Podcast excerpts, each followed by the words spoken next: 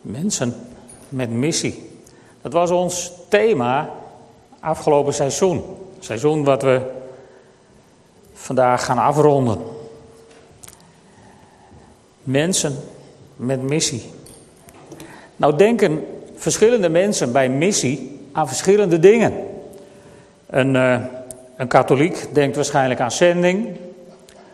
Een militair denkt waarschijnlijk aan uitzending naar een of ander moeilijk land. Een astronaut aan zijn volgende ruimtereis. Een diplomaat aan het contact met een andere regering. En een manager aan de hoofdopdracht, misschien wel van zijn bedrijf of van zijn afdeling. En je zou het als volgt kunnen samenvatten: mensen met een missie zijn onderweg met een opdracht. En als u discipel van Jezus Christus bent, hebt u een opdracht. Dan bent u een mens met een missie. En die missie is overal in de Bijbel te vinden. Daar hoef je niet, niet moeilijk om te zoeken of lang voor te studeren. Die missie die staat van Genesis tot en met de openbaringen, staat die in de Bijbel. En daar wil ik vanochtend nog één keer met jullie naar kijken. De eerste mens met een missie is Adam. In Genesis 1, vers 28, daar krijgt Adam de opdracht, Adam en Eva, om vruchtbaar te zijn, talrijk te zijn, de aarde te bevolken en haar onder haar gezag te brengen, om te heersen over de vissen van de zee, de vogels van de hemel en over alle dieren die op aarde rondkruipen. Dus de missie om voor de schepping te zorgen is de eerste opdracht die de mens kreeg. De volgende mens die een belangrijke missie van God kreeg was Abraham. In Genesis 12, vers 2, daar zegt God: Ik zal een groot volk van je maken, ik zal je zegenen, ik zal je aanzien geven en je zult een bron van zegen zijn. Het was niet alleen maar wat Abraham allemaal ging krijgen. De kern van, van, van het vers is wat Abraham zou betekenen voor de wereld, voor andere mensen. En. Uh, dan kun je misschien denken, nou ja, maar dat was dan uh, Abraham zijn probleem. Maar als je in Galaten 3 vers 29 leest, daar zegt Paulus, en omdat u Christus toebehoort, bent u nakomelingen van Abraham. Erfgenamen namens de belofte. Dus met andere woorden, volgens het Nieuwe Testament delen wij in, in, in de erfenis, in de beloften van Abraham, delen we ook in de missie van Abraham. Want die is daaraan verbonden andere mensen tot zegen zijn. Daarvoor zijn wij op deze aarde. Daarvoor heeft God ons hier bedoeld. En dan komt Jezus naar de wereld en die maakt heel duidelijk wat de missie is. Tegen zijn discipelen zegt hij: Ga op weg, maak alle volken tot mijn leerlingen. Door hen te dopen, wat we vandaag gaan doen. In de naam van de Vader en de Zoon en de Heilige Geest. En weet je, als je zo discipel bent geworden van Jezus Christus, voldoe je eigenlijk aan de ultieme missie. Want dan vertel je andere mensen over het evangelie van Jezus Christus. En, en, en die werkvolgorde, die heeft Jezus aangegeven in Handelingen 1, vers 8. Waar, waar een engel naar de hemelvaart zegt, als de Heilige Geest over jullie komt, dan zul je kracht ontvangen en van mij getuigen in Jeruzalem, Judea en Samaria tot de uiteinden van de wereld. Met andere woorden, in je directe kennissenkring. Daarna een beetje wijdere kring en dan nog een beetje wijdere kring. En uiteindelijk, sommige mensen willen zendeling worden tot het einde van de wereld. En die hebben nog nooit met familie over het geloof gepraat. Ja, familie is natuurlijk veel enger dan een vreemdeling. En zeker iemand in verwegingstaan die je daarna nooit weer onder ogen hoeft te komen. Maar het begint thuis, om je heen, in je directe omgeving.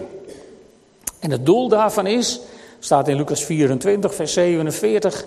Het doel is dat alle volken zullen worden opgeroepen om tot inkeer te komen, opdat hun zonden worden vergeven. En daarvan zullen ze getuigenis afleggen te beginnen in Jeruzalem. Dus het gaat uiteindelijk erom dat mensen tot inkeer komen, dat mensen discipelen van Jezus worden en dat hun zonden worden vergeven. Daarvoor zijn wij op deze wereld, om dat nieuws uit te dragen, om dat mensen duidelijk te maken, om dat mensen te vertellen. En het probleem van de kerk is dat we dat hebben uitbesteed. We hebben dat uitbesteed aan uh, apostelen, profeten, herders, leraars en evangelisten. Maar in Efeze 4 wordt heel duidelijk gemaakt dat die mensen niet bedoeld zijn om het werk te doen, maar om de heiligen, gefeliciteerd, de heiligen toe te rusten tot dienstbetoon. Zodat we dat met elkaar samen kunnen doen.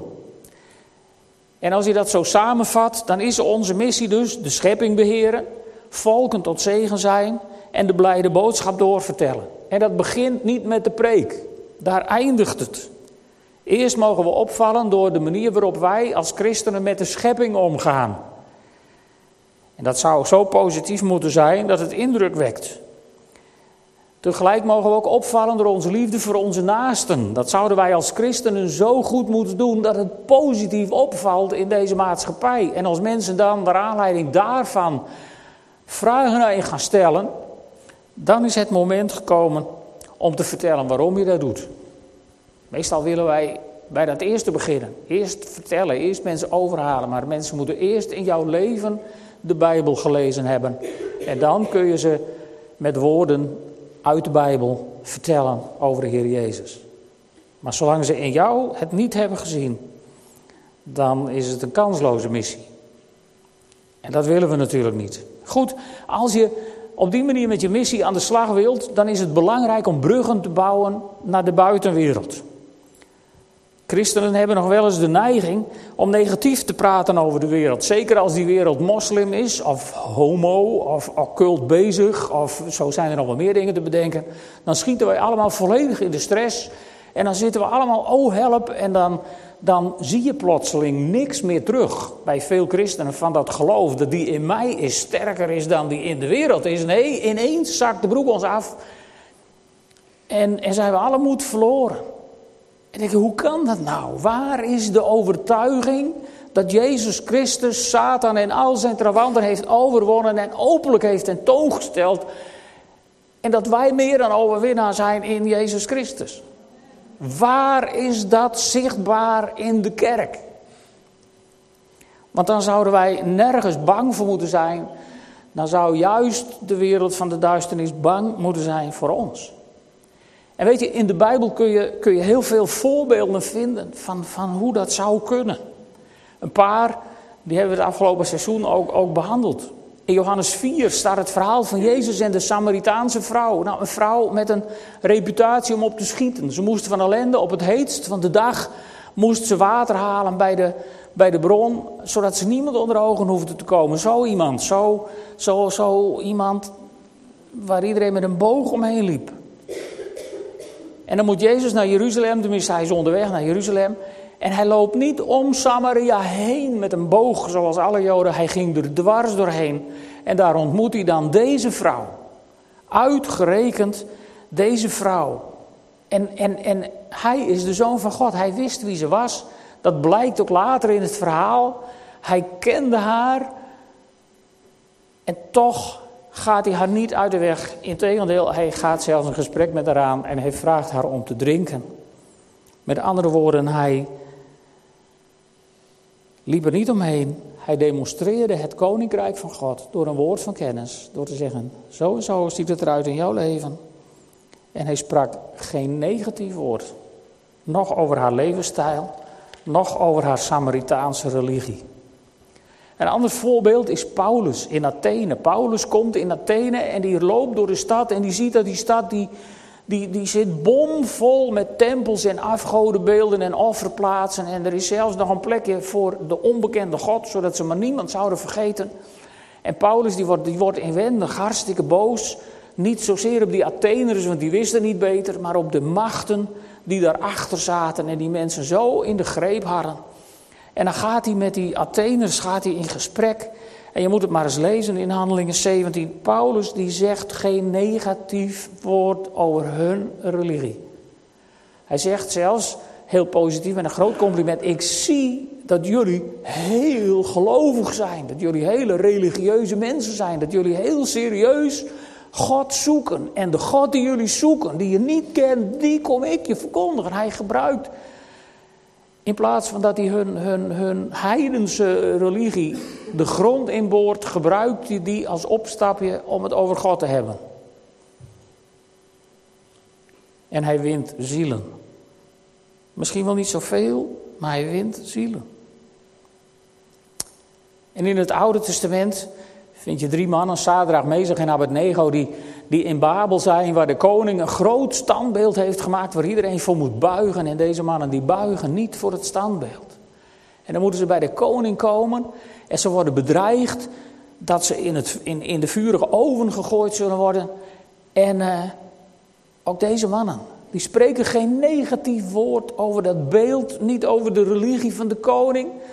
Ze zeggen niet van wij buigen, wij hebben niks te maken met uw afgoden. Dat woord gebruiken ze niet eens. Ze zeggen nee, koning, u moet goed weten, voor uw goden buigen wij niet. Wij buigen alleen voor onze God en wat de consequenties daar ook van mogen zijn, die nemen we. Helden. Maar ook weer mensen die heel positief erin stonden en daardoor komt Nebukadnezar onder de indruk van die machtige God. En dan gaat het op zijn Babylonisch, dan wordt iedereen weer een kopje kleiner gemaakt die het daar niet mee eens is. Dus het was ook weer niet helemaal de bedoeling, maar, maar toch. Als je positief de buitenwereld benadert, dan bouw je bruggen. En dan kun je je missie uitvoeren. En die missie, daarvan kun je je afvragen: heb je die missie als gemeente of heb je die missie als individu? Als je bij een zendingsorganisatie te rare gaat, dan zou een missionair gemeente zijn betekenen dat je allemaal naar het zendingsveld gaat om daar het evangelie te verkondigen. En als je een evangelisatiebeweging vraagt wat missionair gemeente zijn zou moeten zijn, dan gaat het om het evangelie uitdragen in je naaste omgeving. Maar het wonderlijke is dat er in de Bijbel geen missionaire organisaties voorkomen, zelfs geen missionaire gemeentes, alleen maar missionaire mensen. Mensen met een missie. Individuen met een opdracht om de volken tot zegen te zijn. En weet je, het mooie is, als die mensen elkaar vinden en samen op zondag bij elkaar komen, heb je automatisch een missionaire gemeente. En dan zijn het mensen die begrijpen wat Petrus schrijft in zijn eerste brief, hoofdstuk 2, vers 9. U bent een uitverkoren geslacht. Je kunt het allemaal lezen. Je zou, je zou dat gewoon zeggen, moet, anders moeten invullen. Ik hoor bij een uitverkoren geslacht. Een koninkrijk van priesters. Een heilige natie. Een volk dat God zich verworven heeft om de grote daden te verkondigen van Hem die u uit de duisternis heeft geroepen naar zijn wonderbaar licht. Mooi hè? Jij hoort bij dit uitverkoren geslacht. Dit was niet iets voor een paar selectieve, met kop en schouders boven alles uitstekende mensen. Dit schreef Paulus aan alle gelovigen, af Petrus.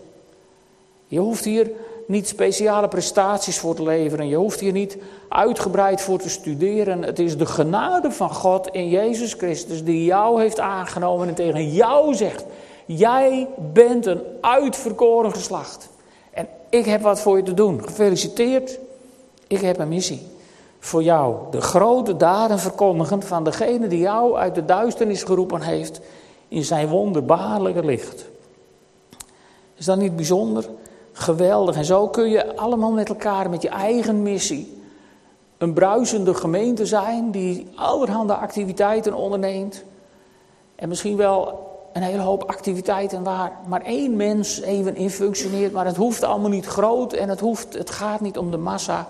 Het gaat erom dat je als mens je missie hebt gevonden. En, en met jouw gaven en jouw talenten op jouw manier daarmee in het leven staat.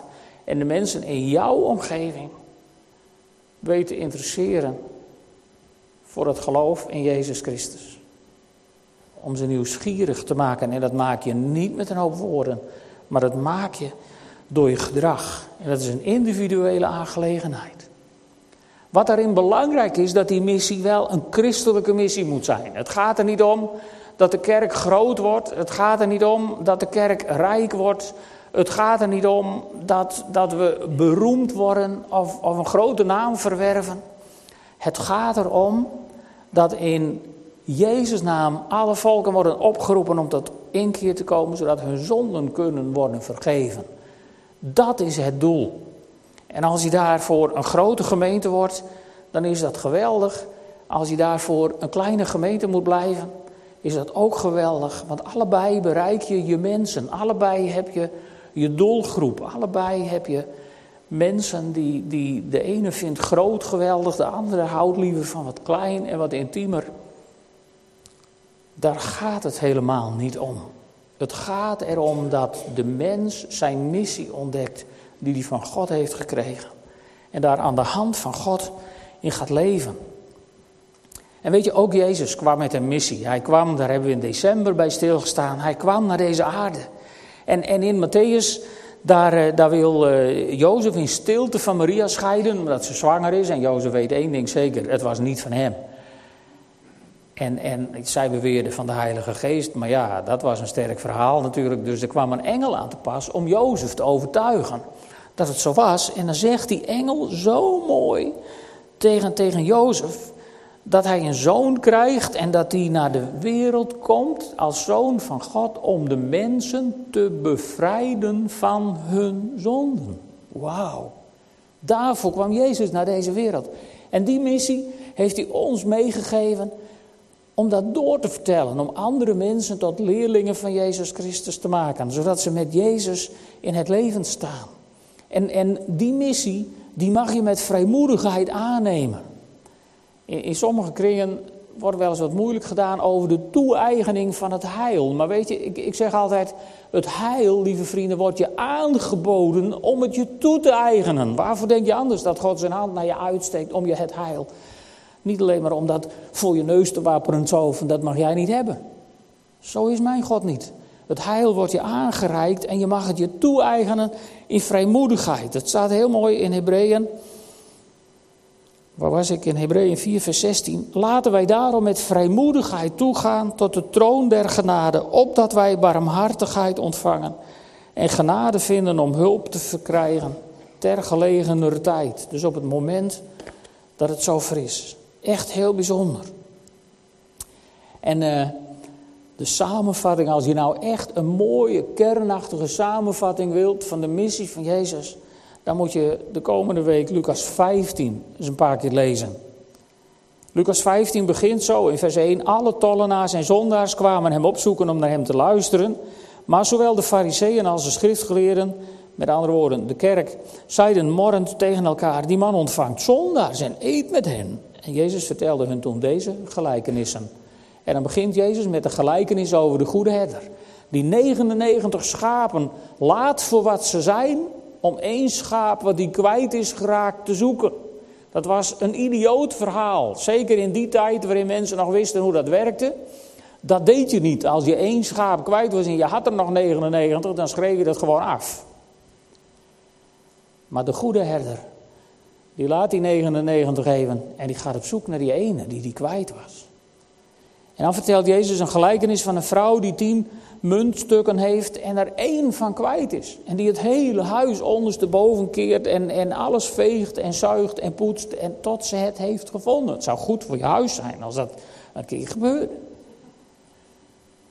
Maar wel een hoop werk. Wij zouden gauw de neiging hebben om te denken, nou ja, die, die 1 euro, die, dat is jammer dan. Jammer dan, ik kan hem niet vinden. Misschien komen we hem bij de grote schoonmaker wel eens tegen. Zo niet in dit verhaal. Dit verloren werd de prioriteit. En dan komt als klap op de vuurpijl het verhaal van wat wij de verloren zoon noemen. Het is altijd de vraag in het verhaal welke zoon aan het eind van het verhaal verloren was. Want er is één die is in de feestzaal en er is één die staat buiten. Te knarsen tanden. En dat was over het algemeen niet de plek die Jezus voor mensen voor ogen had. Een prachtig verhaal over de vader die bleef wachten op zijn zoon. En toen hij hem aan zag komen, kleedde hij hem in het nieuw. Toen hij naar huis kwam. En, en de oudste zoon, als vertegenwoordiger van de religieuzen, die stond boos buiten. Een boeiend verhaal. Ik las afgelopen weken in een boek iets en dat maakte het voor mij nog indrukwekkender. Het was een schrijver en ik, het was mij niet eerder opgevallen, maar die schrijver die zei, die, die jongste zoon, die ging niet naar huis omdat hij berouw had. Die ging niet naar huis omdat hij het goed wilde maken met zijn vader. Die ging naar huis omdat hij honger had. En die dacht, de arbeiders van mijn vader hebben het beter dan ik, dus ik kan beter naar huis. En die vader gaat niet zeuren over zijn motivaties. Die ontvangt hem warm en die geeft hem een geweldige welkom. En die herstelt hem in zijn positie. Wat een geweldige God hebben wij. Want die vader en die herder en die vrouw die zoekt, die zijn allemaal staan beeld voor onze vader in de hemel. Die altijd op zoek is naar jou. Als je wegdwaalt bij God, gaat hij op zoek om je terug te vinden, om je terug te halen, om je terug te brengen. En als je terugkomt bij God, dan vraagt hij niet of je motivaties wel helemaal op orde zijn. Dan omarmt hij je, herstelt hij je. En wordt er een feestje gevierd. Wauw, wat een missie. En zo, zo ziet de missie van God met deze wereld eruit en daar mogen wij een deel in hebben. En, en dat deel hebben aan de missie van God vindt plaats op een hele hoop vlakken. We hebben in januari stilgestaan bij onze culturele missie.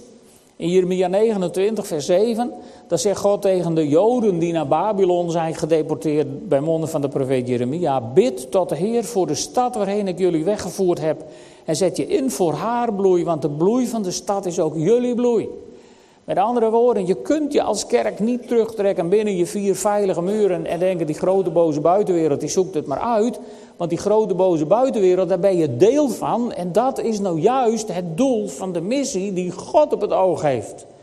En daar zouden wij als mensen meer zicht op moeten hebben. Bid tot de Heer voor de stad. Die Joden die naar Babylon werden gevoerd, die dachten van nou we blijven maar wat bij elkaar. We maken maar geen kennis met de buren. We worden maar geen lid van de buurtvereniging. En we gaan maar niet, uh, niet naar de voetbalclub hier. Want, want binnenkort gaan we toch terug naar ons eigen land. Dus wij, wij kruipen wat bij elkaar. En dan komt Jeremia, dat was niet de bedoeling. Bid voor de stad en zet je in voor haar bloei. Want als het de stad goed gaat, gaat het jou goed. Wauw. Onze culturele missie. En Jezus die bidt in het hoge priesterlijk gebed in Johannes 17. Dan zegt hij, ik vraag niet of u hen, ons dus, uit de wereld weg wilt nemen. Maar of u hen wilt beschermen tegen de duivel. Ze, wij dus, horen niet bij de wereld zoals Jezus niet bij de wereld hoorde. Heilig hen dan door de waarheid. Uw woord is de waarheid.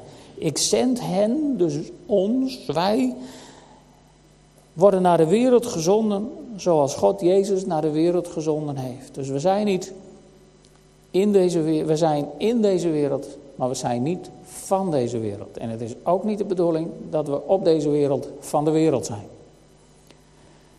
Goed, in die maand hebben we ook stilgestaan bij kunst en de Bijbel. Jullie herinneren de kunstschilderes nog wel, die hier een hele boeiende ochtend heeft verzorgd. En die prachtige kunstbeurs waar we konden zien hoe ongelooflijk veel creatief talent we in de gemeente hebben. En misschien de Bethel Brothers ook nog in jullie herinnering toen we het over muziek en de Bijbel hebben gehad. Weet je, al die mooie culturele dingen, die zijn van God. En daar zouden wij als christenen ons niet van moeten distancieren, maar ons juist op moeten richten. Ook sociaal hebben we een missie. En die, die staat misschien wel het mooist samengevat in Exodus 23, vers 4 en 5. Daar zegt God, wanneer je een verdwaald rund of een verdwaalde ezel van een vijand van je aantreft, dus niet van een van je vrienden, hè, maar van een vijand van je aantreft, moet je hem het dier zonder uitstel terugbrengen. En wanneer je ziet dat de ezel van iemand met wie je in onmin leeft onder zijn last bezwijkt, mag je niet werkeloos toezien, maar moet je hem meteen de helpende hand bieden. En nou hebben we tegenwoordig geen ezels meer, dus we zouden kunnen zeggen, nou, dit is niet van deze tijd, maar we hebben wel een fiets of een auto en we hebben, uh, we hebben uh, nog wel andere dingen. Waar het om gaat, is dat als zelfs je vijand in de problemen raakt, mag je niet werkeloos toezien, maar moet je misschien de helpende hand even bieden. Zeg joh, kan ik je even helpen? Kan ik wat voor je doen? Kan ik wat voor je betekenen? En ook dan loop je het grote risico dat mensen vragen: Goh, waarom doe jij dat? Nou, dat is nou weer zo'n open deur om even iets te vertellen over je motivatie. Dus ook sociaal hebben wij een missie. En die missie is dat je niet werkloos toeziet, maar betrokken bent bij mensen die in de problemen raken. Mensen die het niet redden in deze maatschappij. En dat zijn er veel. En dat worden er meer als je de deskundigen moet geloven. En weet je, ook ecologisch, ook in de natuur, daar ben ik mee begonnen. De missie van Adam. De schepping beheren, de schepping bewaren. En niet uitbuiten zoals wij vaak doen. Ook wij christenen vaak niet, hè? Ik bedoel, geldelijk gewin heeft ook voor ons vaak een grotere prioriteit dan het beheren van Gods schepping. Ik moet jullie een bekentenis doen. Een aantal jaren geleden hebben we zonnepanelen bij ons op het dak gelegd. En daarbij had ik helemaal geen ecologische motieven. Ik had uitgerekend wat de terugverdientijd was. En als dat niet had geklopt, was het gewoon niet gebeurd. Dus de economische motieven zijn voor ons vaak veel belangrijker dan de ecologische motieven. Want ja, een hoop biologische producten zijn veel duurder dan de gewone producten. Of niet? En dan kopen we ze toch maar weer niet. En, en, en, en, en nou, wij zijn nu net met vakantie geweest. Als je bent te fietsen door de natuur en je ziet wat mensen weggooien. En wat daar allemaal gewoon ligt, zomaar in het bos en langs het pad. Of zondags na de dienst hier onder de stoelen. Eh, dus het is niet zo ver weg. Het, is niet, het zijn geen heidenen die dat allemaal doen. Hè. Het zijn ook trouwe kerkbezoekers die soms gewoon alles maar laten liggen voor de koster. Ja, ook ecologisch hebben wij een missie. En weet je, de schepping die leidt daaronder. De schepping leidt volgens mij onder de mens.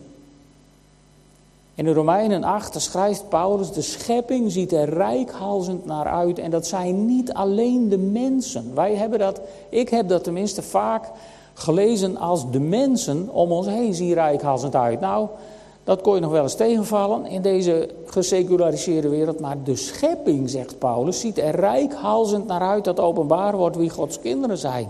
Want de schepping is ten prooi aan zinloosheid. Niet uit eigen wil, maar door hem die haar daaraan heeft onderworpen. Door de zondeval is dat ontstaan. Maar ze heeft hoop gekregen omdat ook de schepping zelf, niet alleen de gelovigen, maar omdat ook de schepping zelf zal worden bevrijd uit de slavernij van de vergankelijkheid en zal delen in de vrijheid en in de luister die Gods kinderen geschonken wordt. Met andere woorden, ook hier hebben we een missie. Want God is de schepping niet vergeten en God heeft de schepping ook niet afgeschreven. En God denkt ook niet van nou later valt het toch ten prooi aan vuur, dus wat kan het schelen. Nee, zo werkt God niet. Ook hier hebben wij als mens een verantwoordelijkheid. Maar we hebben ook een troost. Want, want ondanks al deze missies kan natuurlijk de moedje in de schoenen zinken. Maar aan een kruis op een heuvel vlak buiten Jeruzalem stierf 2000 jaar geleden een man die beweerde de zoon van God te zijn. En wij geloven, ik althans, en velen hier, wij geloven dat hij dat niet alleen beweerde, maar dat hij ook daadwerkelijk de zoon van God was, die daar stierf om de bevrijding van de schepping in te luiden en een begin te maken met die bevrijding. Jezus Christus kwam naar deze aarde met een missie en, en als je dan het paasverhaal leest, met Pasen hebben we gefocust op de goddelijke regie in dat verhaal. Want weet je, als Jezus aan het kruis hangt, samen met twee misdadigers, die misdadigers die gaan dood aan het eind van de kruisiging. En Jezus niet. Jezus geeft de geest, staat er mooi. Wij hebben ons dat toegeëigend als een synoniem voor overlijden. Maar met alle respect, iemand die overlijdt geeft niet de geest, die raakt hem kwijt omdat hij overlijdt. En er is maar één geweest in de hele geschiedenis die zelf besloot van oké, nu is het genoeg. Vader, in uw handen beveel ik mijn geest. En weg was hij. Jezus en God hadden de volledige regie over het verhaal rond Pasen. Jezus ging niet per ongeluk dood, hij sneuvelde niet in de strijd. Hij gaf zijn leven opdat jij en ik voor eeuwig in een relatie met God verenigd kunnen zijn. Ook Gerben en Grietje. En, en door je te laten dopen, zet je daarin een belangrijke stap. Nou is dat in, in de loop van de geschiedenis is het allemaal wat lastig geworden, omdat de kerk op een gegeven moment ook, ook kleine kinderen is gaan dopen. En sinds die tijd zitten we vaak in de strijd over, over kindertjes of volwassenen of, of Eerst als kind en later nog een keer als volwassen. Die strijd, ik, ik heb al zo vaak gezegd, die strijd moeten we nu gewoon eens even naast ons neerleggen. En gewoon het hart volgen. En de stem van God volgen in je hart, die een verlangen in je legt om die stap te zetten om je te laten dopen. Zonder te vragen van ja, maar dit en dat. Als God tot je spreekt, als God je dat verlangen geeft, dan is het God die je dat verlangen geeft. En dan is het, is het goed om, om daaraan toe te geven. En zo kom je terug bij het doel van elke missie. Het doel van elke missie die we hebben als mens, of we ons nou inzetten voor de natuur, of op sociaal vlak, of op, op, op gezondheidszorgvlak, of, of op welk vlak dan ook, waar je je missie ook uitvoert. Het doel moet zijn, wat Jezus zegt in Matthäus 5, vers 16. Zo moet jullie licht schijnen, dus uit de daden die je doet, voor de mensen, opdat ze jullie goede daden zien en eer bewijzen aan jullie Vader in de hemel. Want het gaat om Hem. Om Hem alleen. Het gaat niet om jou, het gaat niet om mij. Het gaat niet om de reputatie van deze of welke andere gemeente dan ook. Het gaat om de eer voor God in de hemel. Dat is het doel van elke missie. Dat is waar God op uit is. En daar heeft Hij ons voor toegerust. Dat was de laatste, het laatste maandthema met Pinksteren. In Johannes 22 blaast God over zijn discipelen en dan geeft hij hun de opdracht om de Heilige Geest te ontvangen. Actief te ontvangen. Dus niet gewoon de Heilige Geest zeggen: nou, Oké, ga daar maar zitten, als ik je nodig heb, roep ik je wel. Nee, echt ontvangen betekent je toe-eigenen, zeg maar, het, het, het grijpen en, en, en, en je met hart en ziel verbinden aan de Heilige Geest. En toen werd met Pinksteren de Heilige Geest uitgestort. En, en, en, en het startpunt in Handelingen 2, daar ga ik mee afronden, staat in vers 38. Als Petrus zijn preek heeft gehouden, overigens ook een wonderlijk verhaal. Hè? Petrus die, die vlak voor de kruisiging zo bang was dat ze hem wat zouden aandoen, omdat hij bij Jezus hoorde dat hij hem drie keer verlogend. Die stapt uh, zes weken later ongeveer, of zeven, daar zijn duizenden mensen in Jeruzalem. Veel enger dan op dat binnenplaatsje met die paar mensen. Duizenden mensen in Jeruzalem op die Pinksterdag. En, en die zeggen, ah, ze zullen wel dronken zijn. En, en dan doet Petrus die staat naar voren en die zegt, mag ik even wat zeggen? Voor al die mensen, he, je zou het besterven. Maar Petrus zegt, mag ik even wat zeggen? En zegt hij, wij zijn niet dronken. Maar dit is wat God heeft voorspeld door de profeet Joël. Ik zal mijn geest uitstorten op alle vlees. En dit is het. En dan legt Petrus dat uit en die houdt daar de preek van zijn leven. En dan zeggen de mensen, wat moeten wij doen, mannen broeders, om behouden te worden? En dan zegt Petrus, keer je af van je huidige leven. Met andere woorden, bekeer je. Dat gaat, dat gaat over vooral dat, dat de focus van je leven anders wordt. Je focus moet op mijn missie. Welke missie? Heb ik, wat mag ik betekenen in Gods koninkrijk? Bekeer je, dus, dus kies een andere richting. En laat je dopen onder aanroeping van Jezus Christus om vergeving te krijgen voor uw zonden. En dan zal de Heilige Geest u geschonken worden. Wauw. Zo zou het origineel moeten beginnen. Maar goed, er zijn vandaag ook gasten en misschien zijn er wel mensen met wat gemengde gevoelens gekomen. Zo van ja, nou laten straks mensen zich hier onderdompelen, maar die zijn toch al gedoopt. En, en gooien ze dat nou allemaal weg en krijgt dat nou allemaal een schop na. Dan wil ik u één ding zeggen. Er is geen haar op mijn hoofd, dan zijn dat er niet zo heel veel, maar er is geen haar op mijn hoofd en, en ook niet op de andere hoofden in deze gemeente die er op die manier tegenaan kijkt. Wij gooien vandaag niks weg. We zetten vandaag gewoon een volgende stap op de levensweg van Gerben en Grietje. Die hebben dat verlangen van God op hun hart gekregen. En er is ook in hun denken geen spoor van kinderdoop die niet deugde, of weet ik wat voor dingen die niet deugden. Want zonder een vader en een moeder die met hun voor in de kerk hadden gestaan en die ze hebben geleerd en onderwezen over Jezus Christus, hadden zij hier vandaag niet gezeten om die stap te zetten. Vandaag zetten we een volgende stap in jullie levens. En, en, en als er mensen zijn die zeggen, goh, dat zou ik ook willen, dan doen we het om mij volgende week weer.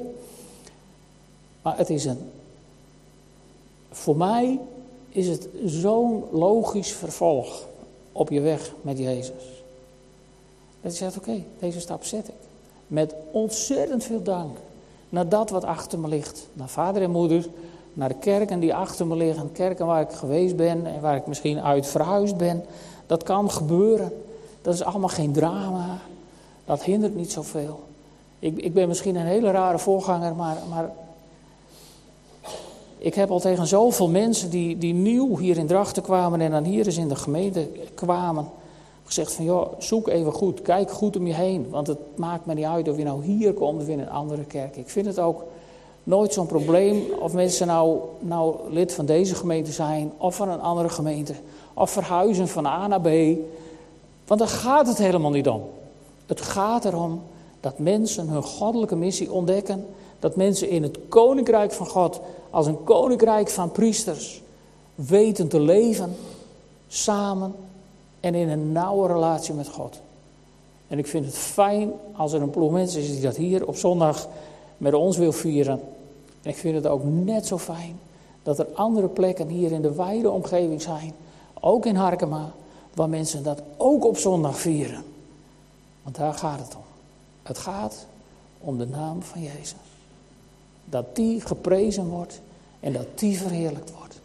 En of dat nou hier is of ergens anders, dat is absoluut niet relevant.